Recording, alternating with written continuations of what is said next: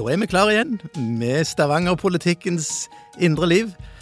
Jeg sitter her i dag med tre eh, modige damer som skal være med. Eh, der er To av de kjenner dere veldig godt, dere som er lyttere. De har vært med hele veien. Det er Ann-Kristin Bruns og Marie Jones Brekke. De er på plass og sitter her og smiler og er i godt humør. Og har fått faktisk sjokolade ifra, ifra Madla sin nye sjokoladefabrikk. Var den god? Vet du kan ikke smake den Ja, ennå? dere må jo smake den. Ja, ikke ja, sitte. det er noe helt dere må jo smake den. Det er, jo, det, er jo, det er jo litt sånn Jeg tenkte å være litt hyggelig og så ha noe sjokolade til kaffekoppen, og så sitter dere og ikke smaker. Oi, du Det må dere jo gjøre. Det var veldig hyggelig gjort at du kjøpte sjokolade til oss. Vær så god. Og så kommer der ei dame til som dere sikkert har hørt om i det siste. Hun heter Therese Egebakke og er en veldig engasjert kirkepolitiker. Og det er jo sånn at eh, i kirka òg er det sånn at det, der blir det òg valgte folk av eh, i forbindelse med kommunevalget som skal inn i kirka, så det blir jo litt interessant å snakke med. Hun har jo virkelig markert seg som en som en konservativ stemme i kirka, da, og der er det veldig mye som vi kan snakke om, som vi skal ta når hun er, når hun er på plass. Så det blir spennende. Men vi skal ta litt om politikk i Stavanger, og litt om KrF-politikk før, før vi går over på før vi går over på Therese. Eh, så har vi jo hatt en hyggelig tur. Vi har vært på vi har jeg sett på Finnøy i lag med Kjell Ingolf, for dere var med begge to. Du er jo På- veldig god på Finnøy da, Henrik. Ja ja, men det, det, det, var, jo, det var jo en kjekk tur. Og det som, var, det som er bra med sånne turer, det er å så få disse her stortingspolitikerne til å komme over fjellet, og så få sitte i bilen med dem og snakke med dem ganske lenge. For da får du liksom tid til å komme litt innunder huden på dem, og så får du sagt over litt tid. Så jeg jo, får jo håpe at når dere kjørte den hjem, at dere fikk eh, orientert han og fikk snakket om ting. Det var kjempekjekt. Kjell Ingolf er en gullgod mann, og takknemlig for at han sitter på Stortinget for KrF. Ja. Og Vi hadde god samtale om viktige ting. Ja, og det Og som så jo kan en jo være litt men sånn, Det er jo sånn uformell prat som er ganske viktig. Den er utrolig viktig. Eh, og det som vi ikke skulle, da, det var at vi var inne på, på Grieg Seafood og snakket med oppdrettsnæringa i forhold til denne havbruksskatten, som jo er veldig omdiskutert, og som snart kommer til behandling i Stortinget. Og da, da kommer det til å bli god gang, det er helt sikkert. Det, det, det som vi ser nå, det er et sånn kystopprør, da. Som for de som følger med på sosiale medier og lignende, så ser en jo at det er veldig mye som står opp og sier at nå må liksom Nå må Vestlandet, nå må, nå må kysten bli tatt på alvor. Nå det Nå gjelder det, og det er jo et valg som kommer nå. Så, så det er jo det vi prøver å markere med òg, at vi, vi vil være vi vil være en stemme som skal bli sett og hørt i dette. Men det, er ganske, ja, det er jo ganske vesentlig hvis vi tenker den lange kysten som Norge har. Um, og at uh, mye blir bestemt inn i Oslo. Og spørsmålet er jo om de egentlig forstår folk som bor på kysten sitt behov. Mm. Det er jo det som er det store spørsmålet. Og klart Når en da opplever at det blir kystopprør, eksempel, så tenker en er det, er det sånn en skal, Hvordan skal en markere seg at en er misfornøyd? På hvilken måte skal en reagere på? Hva vil, hva vil en høre på? Vil stortingspolitikere da, fra andre deler av landet, høre på et opprør, eller er det bare liksom mas? Hva, må, skal, hva tror du? Tror Ja. du det har noen virkning? Ja, jeg tror absolutt det. Altså, jeg, jeg husker jo um, Sist valg så var jo vi eh, Stortingsvalget i 2021. Da var jo vi i regjering, jeg hadde landbruksministeren. Og Da var det jo et bondeopprør. Og jeg, jeg husker jo, og jeg tenkte, jeg husker jeg tenkte da hvis, hvis det blir noe, hvis jeg kom i den situasjonen som de er i nå, som har lagd dette opprøret og spiller opp mot KrF og vi som har landbruksministeren Hvis jeg får tilbud om å være med i noe sånt, skal jeg aldri gjøre det. Ikke opprøret. Opprøret, ja. Nei? Nei, for det, jeg syns det var altså så vanskelig. For det var uansett hva du gjorde, så ble det galt. Uansett hva du gjorde, så ble det galt. Og det, det er det der. Men, men det er klart, så derfor så tenker jeg når dette kystopprøret kommer nå, så vi må være seriøse. Altså, vi må være skikkelige i det Ja, vi det det jeg gjør. mener. Og så er det sånn at hvis, hvis det er, Ja, det er et godt poeng, Ann-Kristin. Og hvis det er noe bra som blir gjort, så skal en ikke bare se vekk ifra det. En skal ta det med, det òg. Ja. Hvis ikke så blir vi for innsidige. Men det er jo litt dette aksjonist, aksjonisttrenden som var. Nå har vi hatt denne Fosen-aksjonen i Oslo, ikke sant? De snakker om at det er 40 år siden Alta-aksjonen var. Og da var jeg i Alta året etterpå Alta-aksjonen, og kjente på kroppen den enorme kraften som ligger i det å aksjonere og prøve. Om ikke du får det akkurat som du vil, så har de iallfall satt ting på kartet. Ja. Og problemstillinger på kartet. Ja? Og så spørsmålet hva er det, hva er det som gjør at folk engasjerer seg, da? ja, det er det. Tror du, Marie? Jeg tror at eh, du er inne på noe av at eh, som politikere, hvis du ønsker å være en seriøs politiker, så prøver du å høre og lytte til næringa, som er veldig motstander av denne grunnrenten. Eh, samtidig som en bevarer litt av eh, på en måte balansen i det at det kanskje det bør være en eh, høyere skattlegging av oppdretts, oppdrettsnæringa. Der det har vært mye penger involvert de siste åra. I mange år var det jo ikke det, men nå er det mye penger å tjene. Eh, noe vil staten kreve tilbake igjen, på en måte, i, fordi det er våre felles eh, naturressurser som dette dreier seg om. Så det å eh, være politikere som er villige til å lytte, og eh, være åpen for innspill til hvordan det skal gjøres, det er jo veldig viktig. Og så er det jo sånn at regjeringa i denne sammenhengen har kjørt en veldig uheldig prosess. Eh, og det oppleves som at Oslo overkjører vanlige folk langs kysten. Eh, og det, det, er jo veldig uheldig. Og det er for meg ganske tydelig at eh, regjeringa har en del sånne kamper de skal ta, ideologisk, syns jeg mange er, eh, der de kjører i gang uten å egentlig lytte så veldig mye. De har bestemt seg på forhånd eh, i en del saker. Om det er friskoler, om det er skatt, om det er endring av lovverk knytta til konverteringsterapi. De kjører sine ideologisk forankra saker, og så går de litt eh, foran skjæra. Hesten foran skjæra, hvordan var det nå igjen? ja. ja. ja. Nei, men det er jo politikk, det. er sant? Mm. De, de, har en annen kurs. Det, mm. det, det er helt klart, det, det ser en jo tydelig, og jeg er jo helt enig med deg. Selve prosessen i forhold til det med lakseskatt, den skulle jo vært annerledes det er helt opplagt at når de legger opp til at det skal settes en pris som kanskje kan føre til at at prisen er så mye høyere enn det du reelt får i markedet, at du mm. kan skatte oppimot 100% det er jo ganske spesielt. Mm. Veldig spesielt. Så det er tydelig at der ble det gjort et veldig dårlig forarbeid, men det har de nok sett òg. Sånn at mm. det som kommer nå til behandling i Stortinget, er nok, er nok mildere enn det som var, det som, som var utgangspunktet. Ja. Men, men, bare for ta, altså du ser jo det Sånn som Italia, for eksempel, husker jeg var der en sommer. Der er det helt sånn, der er sånn veldig tydelig nord og sør. Sant? Eh, hvor, hvor de i Nord-Italia, der mener vi at alle verdiene blir skapt. Der er naturressursen, der er alt. Og så har de i sør, der, er der, der, er der, der bruker de. Der fordeler de disse pengene og godene, og sosiale utgifter er mye større og alt det der. Og litt sånn er det jo i Norge òg, med Vestlandet og Østlandet. Hm. Akkurat i denne saken så er det litt sånn at, at her sitter vi og mener at her har vi, her har vi jo oljeproduksjon, her har vi fisk, her har vi, her har vi vannkraft, her har vi alt. Og så, og så, eh, så, kommer de fra Oslo og sier at nå skal vi ha grunnrente på alt dette, for disse pengene skal til Oslo. De skal ikke bli igjen på Vestlandet, sånn som det jo hadde blitt hvis, hvis de som For det er ikke tvil om at de som tjener penger i Norge, de bruker det jo eh, mye til videreutvikle. Sant? Det er ikke sånn at de bare tar det, og så sitter de og koser seg med det. Nei, de, de bygger videre nye arbeidsplasser. Så det, dette er en sånn, sånn, stor diskusjon som går, og det, det, det er interessant, syns jeg, da. Ja, og det var jo interessant når vi var på den eh, oppdretts uh, Grieg Seafood ute på Finnøy, alle de arbeidsplassene som, som, de faktisk skaper i de ulike bygdene. Mm. Rundt om i Ryfylke-bassenget her, som er på en måte, vi så det kartet, det var mange plasser der de faktisk hadde både 40 og 50 og 20 arbeidsplasser for folk som bor i disse områdene. Så klart det betyr noe, men vi har jo også snakket om det at uh, altså KrF er jo ikke fremmed for grunn, en grunnrenteskatt, en skatt på, på naturressurser. Mm. Det er ikke vi fremmede for. Men det som jeg syns kanskje, og som du også Marie peker på, det var denne prosessen som ble så voldsomme. Og at da kan, bli, da kan det komme sånt opprør. Sant? Når du føler du blir bare overkjørt. Ingen hører på oss, mm. liksom. Ja, det er det, det som kritiske, skaper reaksjoner. Ja, og det mest kritiske er jo hvis eh, en føler at de som utarbeider dette, rett og slett ikke har peiling på ja. hva de holder på med. Da får du en sånn der eh, avmaktsfølelse. Ja, da blir du provosert. Ja, det er enormt provoserende. Ja. Så det lander nok bedre enn det begynte. Hva tror dere, hvis Hans Nilsen Hauge hadde sittet i stolen der nå, hva tror du han hadde sagt? han hadde sagt 'vi bygger nedenfra'. Vi bygger der. Ja, men det er jo god KrF-politikk. Ja. Han hadde sagt at det, det, er ikke staten som skal ha det overskuddet til laksen. Det får uh, disse her uh, eierne langs kysten uh, reinvestere og gi litt til bedehuset. ja, jeg tror ikke, tror ikke, du, er langt, tror ikke du er langt like. Nei. Han hadde sikkert ikke prioritert han hadde staten. Fall, han, men det som han hadde gjort Han hadde sagt at vi må bygge samfunn. Det hadde han sagt, for det gjorde han.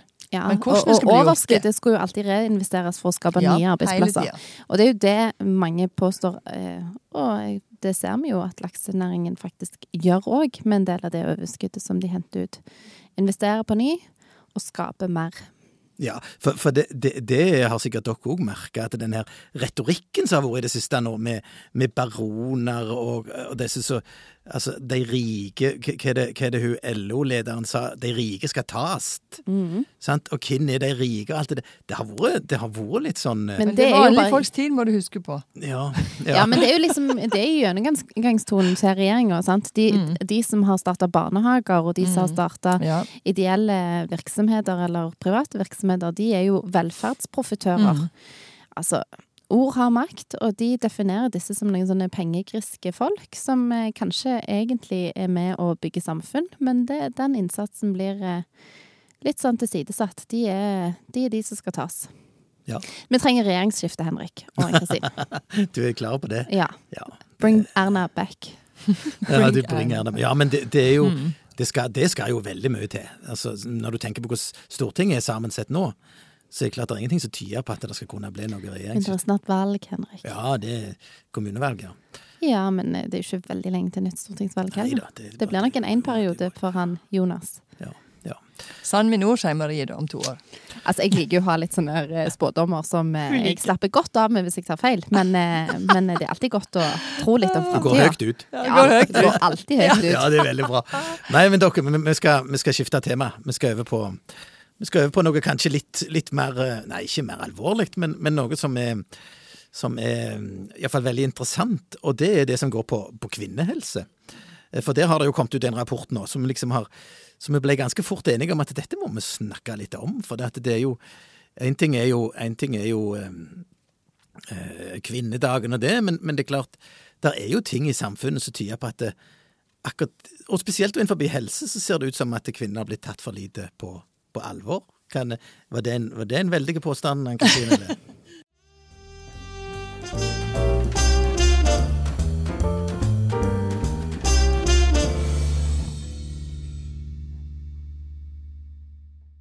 eller? Det var ikke en veldig påstand, og jeg er ganske enig i når det gjelder på forskning av kvinnesykdommer og kvinnehelse, så har det vært en ganske underprioritert sak.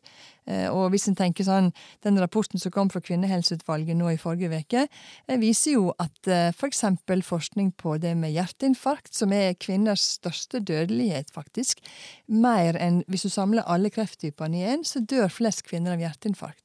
Og kvinner har andre symptomer enn menn. Eh, De, jeg, jeg kan jo ikke nok om medisin til å si akkurat hva symptom det er, men blant annet så var det ei venninne av meg som, som fikk hjerteinfarkt og hadde helt andre symptom enn en smerte ut gjennom venstre arm eller høyre arm. Eller, sånn som vi hørte om at da skal du ringe legen, det er virkelig viktig. Eh, hun hadde, var tungpusta, hadde trykk fra brystet. Var, liksom, var litt kvalmen og litt sånn uvel, men det var ikke typisk sånn at nå har jeg fått hjerteinfarkt. Eh, Kom på sykehuset og ble beordra med ambulanse omtrent ned til sykehuset, selv om det er bare 500 meter. Og, og det tenker jeg nok at det å forske mer på hva type symptom er det kvinner har når de får hjerteinfarkt, det er en ganske vesentlig del, for vi er faktisk halvparten av befolkninga. Eh, Og når da det Det er er, så stor dødelighet sikkert. Det er helt sikkert. Så det tenker jeg nok er en av de tingene. Og så snakket jeg også mye om det her med å ha Min mor da har noe som kalles for fibromyalgi, som er en ganske vanskelig diagnose. Som er en sånn smerte i kroppen og ledd og muskel og stivhet og alt dette her. Og det er en sånn som, eh, diagnose ganske vanskelig å finne ut av hvordan du skal behandle, for det er veldig mange ting. Eh, og mange kvinner som går og lider i stillhet med sånne typer sykdommer, som særlig liksom kommer litt opp i åra. De har kanskje hatt et ganske krevende yrke i pleie og omsorg eller servicenæringa og brukt kroppen mye, og så får de plager som på en måte setter seg i kroppen. Og dette er også ikke vært så mye snakk om. Og kvinner er tidligere sykmeldt, pensjonerer seg tidligere enn menn. Hva, er det noe her vi må faktisk se litt mer på? Så det tenker jeg som leder for KrF Kvinner i Rogaland, syns jeg dette er en ganske viktig sak. Kvinnehelse. Og det tror jeg nok er en av ja, de kvinnekamp kan jeg ikke snakke om det, men jeg tenker å, å liksom forske mer på det, finne mer ut av det, kanskje få medisinering. For eksempel så er hva type medisinering du skal ha, hvor stor dose du skal ha, det er regnet ut fra mannskropp og ikke kvinnekropp. Så hvis jeg, hvis, hvor mange Paracet du må ta for å døyve hodeverken? Ja, To. det må du ta. Ja, Og det, det tar jeg òg, men trenger jeg det egentlig det? Nei. Ikke sant? Det er noe med det, hva, hva, hva slags uh, sammenligninger har vi fått, og hvis det er mennene som er blitt forska Men på hva er det som gjør dette, da? Altså, hva, Hvorfor blir det sånn? Nei. For det, jeg, jeg tenker Spesielt med det med hjerteinfarkt. Det er jo ganske alvorlig. Ja, det Hvis det er forskjell Jeg har ikke noen medisinsk bakgrunn, men hvis det er forskjell på symptomene, sant? eh, så, så kan en veldig godt liksom Når en da blir Når en da skal liksom si hva er symptomene på hjerteinfarkt, så blir det mannen sine symptomer en, en på en måte det, det er det vi lærer i skolen, alt det der. Da er det jo et eller annet som ikke Ja, det er derfor jeg tenker at dette må snakkes mer om. Ja. Jeg tror jo at det er en endring òg på dette, fordi at det, kanskje medisin altså Jeg leste iallfall det en plass at medisin har jo historisk sett vært dominert av menn. Eh, leger og eh, vitenskapsfolk innenfor eh, dette området. Så jeg tenker at eh, en er jo seg sjøl nærmest. Så det er jo en, et, et revolusjonerende skifte i hvem som er både i akademia, og hvem som er leger og og kirurger og, og alle de som jobber innenfor helsesektoren, så jeg tror jo at dette kommer naturlig til å endre seg. Eh, for jeg tror det handler om, om det som er utfordringen jevnt over, at kvinner er for dårlig representert enkelte steder. Ja, men jeg tror at det er ikke nødvendigvis bare helt naturlig heller. Det må snakkes om, tenker jeg da. At det er klart det er en utvikling i det, men jeg tenker at eh, for de som virkelig plages, så må vi som, vi som samfunn også ta det på alvor. For noe av det som kom fram i rapporten, var at eh, kvinner kan snakke om sine utfordringer, men de opplever ikke å bli hørt.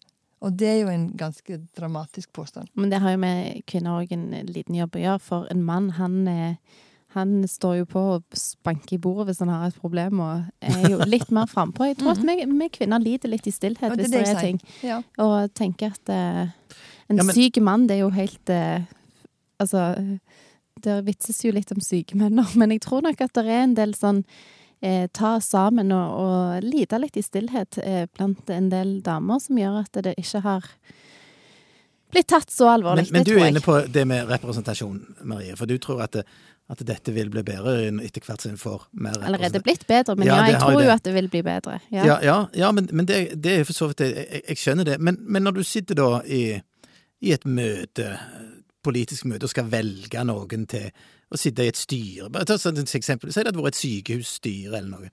Hadde du tenkt den tanken at jeg er dame, her, her må vi her, Vi må iallfall sørge for at balansen er god. Men jeg Det viktigste for meg er at dette blir ei dame. Tenker du sånn? Nei. Jeg tenker Nei. at det viktigste for meg er at den best kvalifiserte. Og det er jo ofte damer. Nei, men det Veldig godt sagt. Nei, Ja. ja, men, det- men det er jo et poeng, sant? Det er et For- for poeng. Hva tenker vi på? Da tenker vi på ja, ja kvalifikasjoner. Men um, Ja, jeg, vil bare, jeg vil ikke bare bli valgt fordi jeg er kvinne, men jeg blir valgt fordi jeg har en kompetanse som det styret trenger, eller den, det, det, den posisjonen trenger. Og så samtidig så ja, men har nå vi snakker man om hatt- demokratiet. Ja, vi så... har måttet hatt en sånn 60-40-regel, og det er klart det har jo ført til at flere kvinner har kommet fram. Ja, for dette Jeg har blitt ma valgt mange ganger fordi at jeg er dame, det vet jeg, eh, og jeg syns det er litt trasig. Nei, men det er jo for Nei, sånn, men i, i demokratiet så er det jo sånn I demokratiet er det sånn. Sett. Og det må jo være sånn. Det, det må jo det, for Mm. det er ikke kvalifikasjonene du sitter der for. Det du sitter der for, er jo fordi at du er den du er. Eh, ikke fordi du er grassat flink på noe. Nei. Nei, nå forstår jeg ingenting, Henrik. Når du blir valgt, Ja. sant, så blir du ikke valgt for det at du Hvis du hadde du, hvis du hadde Nei, men du blir valgt til en del styrer. Hvis du blir valgt til en del styrer, og i Ja, ja. alle styrer skal Ja. det være 60-40. Og jeg vet at det mange ganger har vært mangla ei dame, og der har jeg eh, steppet opp noen ganger og blitt med. Og det er jo en litt sånn eh, Da går vi jo inn på hele den kvoteringsdebatten, den får jo bli til en annen gang, men den bør vi kanskje ta på et eller annet tidspunkt, for der, eh, der er det ja, både ups and downs med den, for å si det sånn. Ja, det er mye med gode. Og det var ikke meningen å bringe den på banen, for nå er vi i ferd med å slippe Kvinnehelsen helt vekk. Nei Ja, nå er vi i ferd med å fjerne oss fra kvinnehelsen. Men dere, vi skal snakke med Therese, så vi må bare vi må videre. Ja, det er veldig bra. Nå er det sånn at vi, vi holder alltid det vi lover. Sånn at eh, vi lovte at eh, dere skulle få bli bedre kjent med de nye listekandidatene våre, og det har vi tenkt å følge opp nå. Så nå har vi fått uh, Therese Egebakke med oss. Velkommen, Therese. Takk, takk. Veldig hyggelig at du ville komme innom og snakke med oss. Um, Du er jo en um, en dame som har markert deg i samfunnet eh, nå de siste, siste månedene. Så det er sikkert mange som har både hørt navnet ditt og sett deg på fjernsynet rundt forbi. Men, men, det er litt spennende. Bare høre litt om, litt om deg sjøl og litt Hvem er du? Ja. Jeg er Therese Egebakken. Jeg er 24, blir 25 neste uke, så jeg har lyst til å si jeg er 25. Um, jeg kommer fra en søskenflokk på fem. Jeg er eldst. Uh, vi har samme foreldre. Uh, har hatt en normal oppvekst. Folk tror jo gjerne at jeg har sånn en rar bakgrunn eller strenge foreldre, men helt vanlig bakgrunn. Ikke noe ekstraordinært? Uh, nei. og de er ikke særlig strenge heller, så det Ja. Uh, og så studerer jeg til å bli lærer. Jeg er på sjette året, så jeg er litt sånn evig student, for jeg har bytta litt. Så først så studerte jeg tysk i Bergen, og så etter to år så uh, eh, flytta jeg hjem til Stavanger og begynte på lektorutdanningen. Og etter to år der så fant jeg ut at grunnskolelærerutdanningen det er det jeg har lyst til å studere. Så det er der jeg er nå. Mm. Det mener du, Marie, et fornuftig valg? Absolutt. absolutt. Så jeg har jo fått med meg at Therese har vært student, så jeg lurte på når hun var ferdig. Men mm. eh, nå har du en liten, en liten, vei igjen å gå, men det blir ja. sikkert veldig bra til slutt. Mm. mm. Ja, nei, og nå skal, du, nå skal du stå på liste KrF, og det syns jo vi, vi, er veldig bra. Vi, vi, vil mest, jeg vil betrakte deg som et politisk talent. Det er veldig hyggelig. Det er veldig kjekt å være med. Absolutt. Mm. Så det blir veldig spennende. Men det du har markert, liksom, er jo som, som kirkepolitiker, og det mm. er jo òg det er jo for så vidt, altså Der òg blir en jo valgt i valg i forbindelse med kommunevalg, alt dette. Men, men det, det, er der du virkelig har, har eh, bispedømmerådet, er det det? Ja, jeg sitter i bispedømmerådet. Når du sitter i bispedømmerådet, så sitter du òg på kirkemøtet. Så når man skal forklare det til folk som kanskje ikke har satt seg helt inn i det, så pleier man å si at eh, du kan tenke på bispedømmeråd som kanskje kommunestyret, og så kirkemøtet er på en måte et storting som samles i kirka en gang i året, da. Eh, ei uke i Trondheim hvor de store tingene blir vedtatt i kirka, på en måte. Så for eksempel det var der eh, de for noen år siden bestemte dette med vigsel av likekjønna og litt sånn. Uh, ja. Sitter alle, altså alle som er i bispedømmerådet, er på kirkemøtet? Ja. ja okay. ja. Mm. Hvor mange bispedømmeråd er det i Norge? Jeg mener det er ti bispedømmer. Um, og alle bispedømmer har et bispedømmeråd, som der jeg sitter i Stavanger. Uh, og bispedømmeråd består av ti, uh, ti personer. Da syv er folkevalgte, og så er det en biskop og en prest og en kirkelig tilsatt. Mm. Så det er på en måte styret av kirka i Stavanger?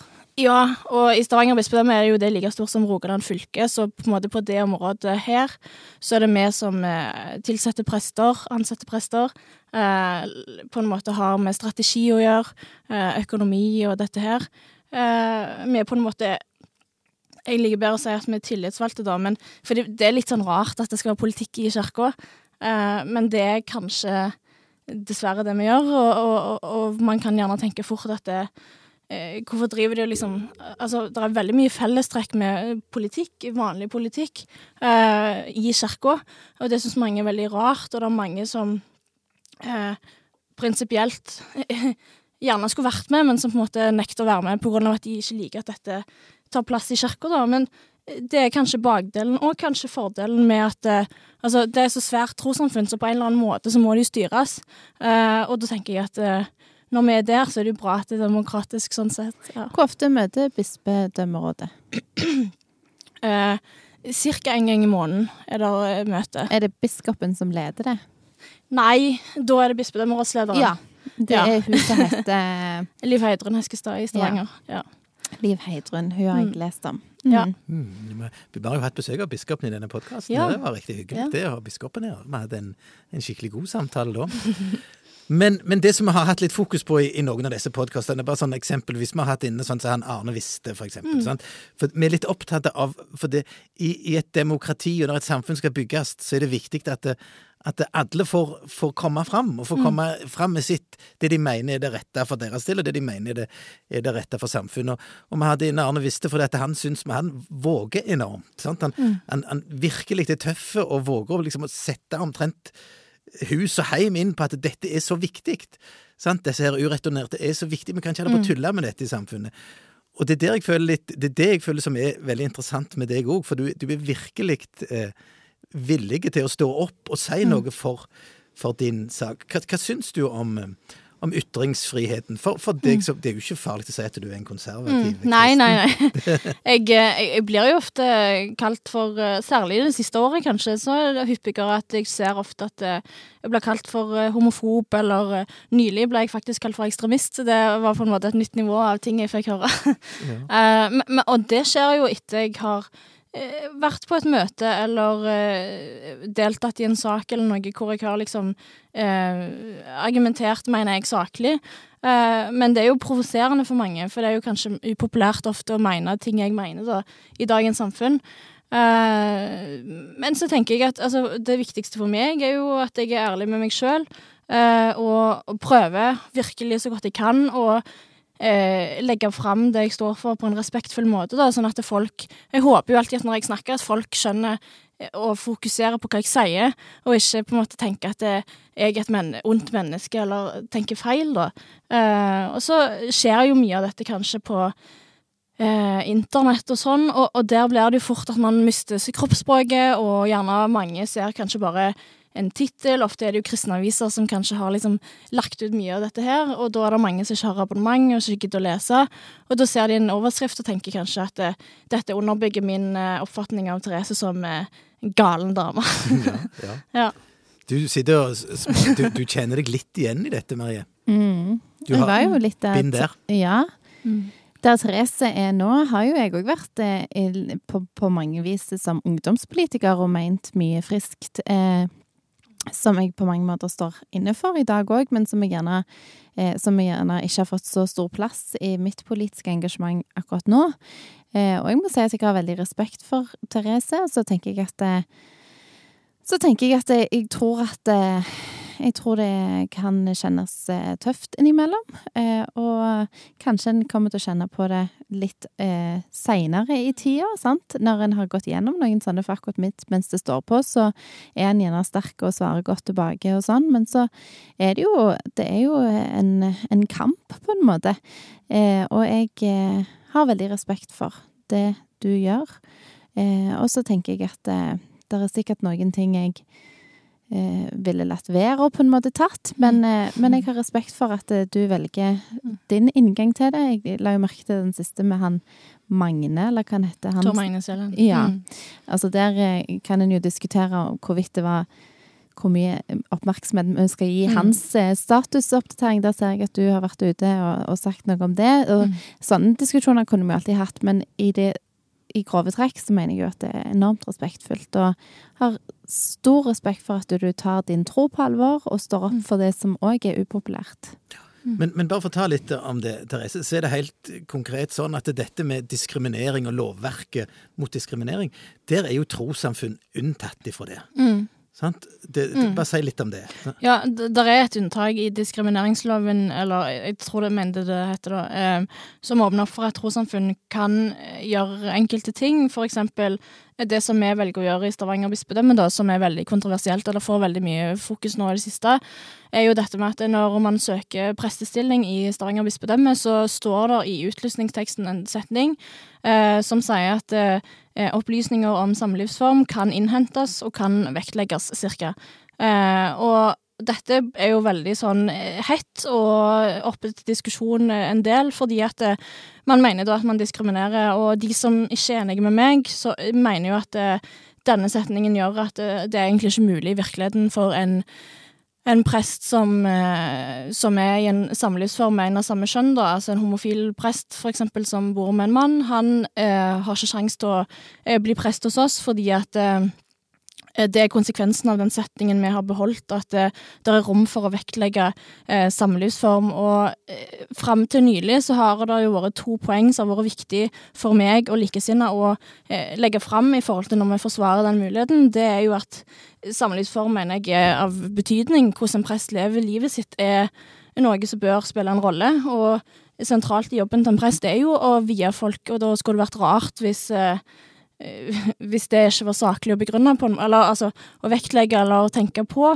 Og den andre tingen som nå er i hovedfokus, er jo mer dette med at det, eh, å vektlegge samlivsform eh, innebærer jo at eh, at eh, jeg som mener at ekteskapet er for mann og kvinne, religiøst sett, da, eh, kan eh, ha rom for å ikke votere for eventuelt å stemme for å tilsette en prest som lever i en samlivsform med en mann som på en måte er motstridende med sånn jeg forstår at ekteskapet bibelsk sett er, da. Ja. Mm. ja. Og så tenker jeg, for hvis, ser for, ser, hvis, vi ser for oss en situasjon der det ikke var nå, nå snakker jeg om trossamfunn, ikke om kirka, men der det ikke var unntak for, for trossamfunn, så ville det jo vært sånn Én ting er jo kirka, da, men hvis du tar en eh, moské, for Mm. eksempel, Mm. så, så ville jo de Altså, da ville det vært rett og slett ulovlig. Mm. Mm. Sant? Og, og det er jo ikke god kår for, eh, for eh, religionsfrihet. Nei, jeg tenker at man, man nærmer seg nesten eh, både meningstvang og ulike ting. Iallfall i eksempelet i Den norske kirke, da, så ville jo konsekvensen vært, mener jeg, at hvis jeg ikke kunne vektlagt samlivsform under tilsettinger, under ansettelser av prester, så måtte jo jeg votert ufrivillig for på en måte en søker som var, levde på en måte som jeg egentlig ikke hadde samvittighet med tanke på hvordan jeg opplever Bibelen sier, da. Eh, Altså, jeg, jeg måtte jo da støtte noe som jeg ikke støtter, på en måte. Og det er jo eh, fint med at eh, den åpningen i diskrimineringsloven eh, gir oss en mulighet til å på en måte eh, ha noen unntak religiøst sett, på en måte. Og, og, og det er jo Jeg mener at det er jo saklig religiøse grunner her, på en måte. Eh, og noen spurte meg nettopp eh, Jo, men er det ikke diskriminering dere driver med? Og, og da tenker jeg at et viktig poeng er jo òg i denne kirkesammenhengen, da, eksempel, å si at det, her er det en kjerkelig arbeidsgiver, og det vil være veldig rart hvis eh, bibeltekstene som på en måte er så sentralt i trossamfunnet, ikke skulle ha betydning, på en måte. At det, man glemmer det og påstår i et sekund at det, dette er en arbeidsgiver på hvilken som helst linje med alle andre arbeidsgivere. Det tenker jeg er litt feil, da. Mm. Ja. Jeg jobber jo òg en plass der eh, vi har mulighet for å eh, gjøre det som i noen sammenhenger anses for å være diskriminering, nemlig spørre om samlivsform, og spørre om eh, deres forhold til tro og forhold Ja, dere gir det på, på, på skolen? Det gjør vi på de kristne skolene. Så er det jo klart at de ansatte må både forplikte seg til å eh, stå for verdigrunnlaget, men òg leve på en måte etter beste evne, da. I tråd med de forventningene som skolen har til sine tilsatte. Og derfor er det aktuelt å spørre om samlivsform på intervju. Mm. Mm. Men, men vet, er det noen av dere som vet noe om hvordan den, den, det unntaket står seg politisk, på en måte? Er det diskutert, eller er det, er det bare noe som alle, alle Heldigvis så er det jo ikke diskutert sånn Altså, det er jo noen som drar opp den diskusjonen, men, men i det store og det hele så er jo prinsippet nedfelt ikke bare i menneskerettighetene, men det er jo den definerte trosfriheten som vi har, og organisasjonsfriheten vi har i landet. Det er klart at hvis Nei til EU eh, ikke kan eh, ansette folk som eh, prinsipielt er mot EU, men de må ansette uten å kunne spørre hva forhold de har til EU, eh, det- så blir det jo helt tullete. Det er klart at organisasjonsfriheten må òg gi mulighet for å ansette folk som kan stå inne for, og som eh, sånn sett eh, innehar de samme standpunktene som organisasjonen ønsker å fremme. Mm. Eh, hvis ikke så blir det jo et skikkelig forvirrende Ja. landskap. Mm. Ja. Og så er det jo sånn at sånne, sånne saker som dette er jo de, de er jo, hva skal vi si, de er jo veldig touchy. Mm. Sant? For, for en jeg mener noe om, eh, om motorvei mellom Kristiansand og Stavanger, det er jo, det er jo, det er jo greit, sant? Men, men når du går inn på, på sånne type saker som dette, så er det jo Jeg har jo hørt du har diskutert med han, han to, Høyre-toppen i Sandnes, Tor Magne Sæland. Det er klart Han har jo en helt annen oppfatning og lever et helt annet liv enn du gjør. Så det er klart, En skal jo ha forståelse for det òg, i sånne debatter. Det, det må en jo. Men det er jo akkurat det der, og jeg har brukt det, den sammenligningen i kommunestyret. Hvis jeg går på talerstolen og har et tundrende innlegg eh, mot, altså for å få eh, kortere skjenketider, så får jeg høre det når jeg går ned. Så sier de, de kviskrer de rekken når jeg går ned, han mørkemannen der Ja. fra Ryfylke. Herlighet. Men hvis Mimir eller, eller mm, Sara Mauland gjør det samme, så er det, blir det akseptert på en helt annen måte. Og det, de gir jo faktisk i samme holdningen som oss i ruspolitikken, men, men de får ikke det der mørkemannsstempelet. Og det, det har vi vært mange ganger inne på her, at hvordan skal vi, hvordan skal vi få til det? Men Vi må synes... bare reise oss opp i ryggen og drite i hva folk mener, mener om Mm. oss. Og gjøre det på en respektfull og fin og kjærlig måte, men Mm. likevel ikke kompromisser på hva, hva en står for. Nå tenker jeg primært som kristne, da. I KrF-sammenheng så er det jo ikke så veldig mange av de politiske standpunktene som er så kontroversielle nødvendigvis. Men, men eh, iallfall som troende så tror jeg at vi må bare rette oss opp i ryggen og bli Mm. Men det, som, det er jo derfor, og det var det jeg begynte med å si, det er det som har fascinert meg med, med måten du gjør det på, Therese. Du er veldig god å argumentere for din sak. og det, Hvis argumentene blir gode, og du klarer å framføre dem uten å på en måte bli stressa eller hisse deg opp, så hører folk på, altså. Mm. Så det Ja, og, og, og de som Altså, folk er jo veldig flinke på å minne om at det, mange av disse betente tingene vi diskuterer i kirka og sånn, det handler jo om mennesker, det er ikke bare en sak. Eh, dette med LHBT og alt dette her. Og, og, og det tenker jeg er jo noe jeg òg prøver å få fram, at det, det tar jeg jo på største alvor, selv om folk gjerne vil være uenige i det, med tanke på hvordan jeg konkluderer. Men, uh, men jeg tenker det er viktig å huske på at uh, vi er forskjellige, og sånn som du sier, og altså Når jeg mener at ekteskap bare er for mann og, kvinne, så, så forstår jeg det forståelig at noen skeive da vil kjenne at det blir veldig vanskelig. Og jeg tenker det er nesten umulig å unngå. Da tror jeg heller det er viktig med dialog og, og vise på en måte ønske om å, å snakke sammen og prøve å gjøre hverandre forstått. Altså at, eh, selv er jeg veldig interessert i å prøve å ha samtaler med disse som opplever mine meninger veldig vanskelig, da, for å, for å prøve å forstå og eh, bli flinkere til å Kanskje kan jeg eh, formulere meg annerledes eh, videre. Eh, og kanskje kan de gjerne oppleve mine meninger lettere videre hvis de skjønner hva som ligger bak, eller at jeg egentlig ikke er så ondsinna som noen tenker at jeg er, for eksempel. Ja. Ja.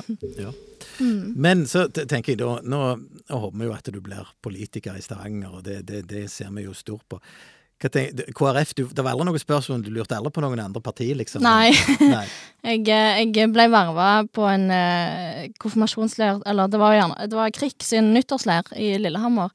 Så eh, sto KrFU på stand, og da, da ble jeg med. Og, og før jeg møtte KrFU på stand der, så, så hadde jeg merka at jeg likte å diskutere og ville engasjere meg, men jeg kjente ingen som var eh, engasjert i et parti. og hadde lest meg opp og visste vel at eh, KrF var kanskje der som jeg eventuelt kunne ende opp, men jeg hadde, visste ikke helt inngangen til å bli med. Så når jeg traff KrFU på eh, Ja, jeg husker ikke hva den leiren heter, men Krigs leir i Lillehammer, så, ja, så var jeg med. Og fra da så har jeg Ja. vært med. Mm. Det er veldig bra. Hva, hva tenker du liksom sånn Hvis du skulle sånn lokalt, er det noen saker som du kjenner at det, du gleder deg litt til å, å, å være med og diskutere og prøve å, å påvirke og prege?